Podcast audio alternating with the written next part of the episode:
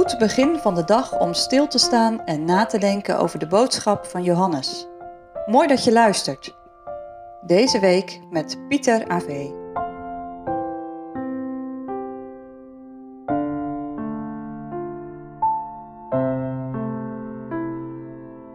Hashtag 104 Geest van God of Antichrist.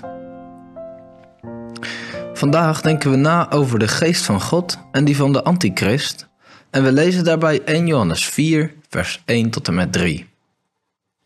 In Johannes 1 vers 2 ging het ook al over de Antichrist, zelfs in meervoud, over antichristussen. Daar bedoelt Johannes predikers mee die een onjuiste boodschap brachten. Dat was een hele grote bedreiging voor die eerste gemeente. Ze hadden het evangelie immers nog maar net ontvangen.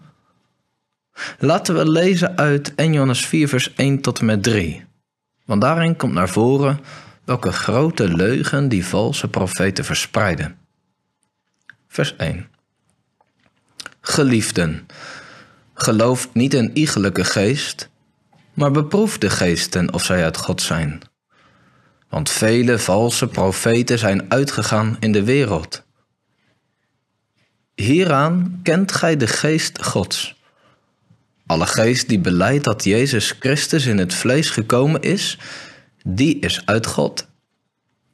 En alle geest die niet beleidt dat Jezus Christus in het vlees gekomen is, die is uit God niet. Maar dit is de geest van de Antichrist, welke geest gij gehoord hebt dat komen zal, en is nu al reden in de wereld.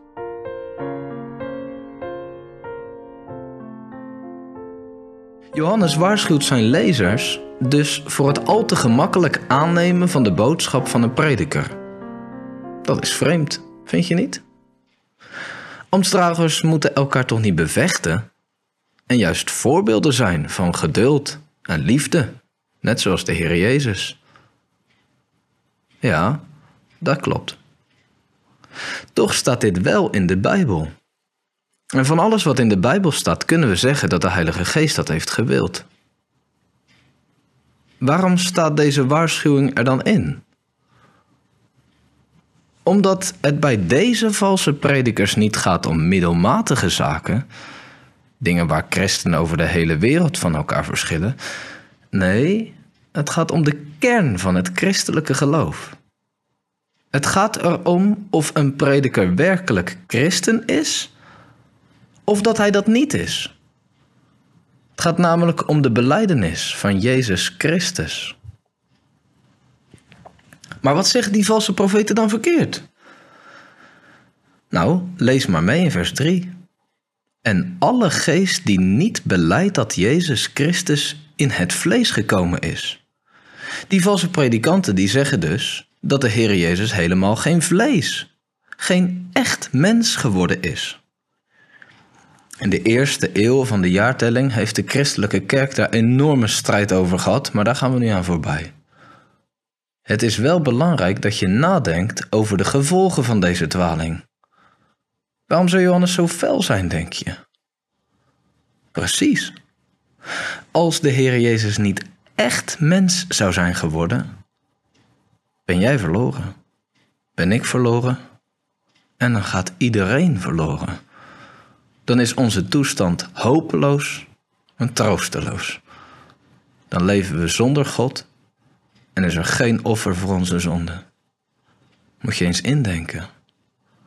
In zo'n wereld wil jij toch niet leven? In de Nederlandse geloofsbelijdenis, artikel 18, gaat het ook over Jezus menswording. Er staat in eigen woorden dit. Wat de Heer Jezus niet heeft aangenomen, lichaam en ziel, kan hij ook niet zalig maken. Snap je nu waarom Johannes de gemeente oproept om goed te luisteren naar de predikant? Het gaat namelijk om leven en dood. Zeg, hoe ga jij eigenlijk naar de kerk? Nee, ik ga je niet de opdracht geven om jouw dominee eens even lekker kritisch te benaderen. Maar gaat het voor jou ook over leven en dood?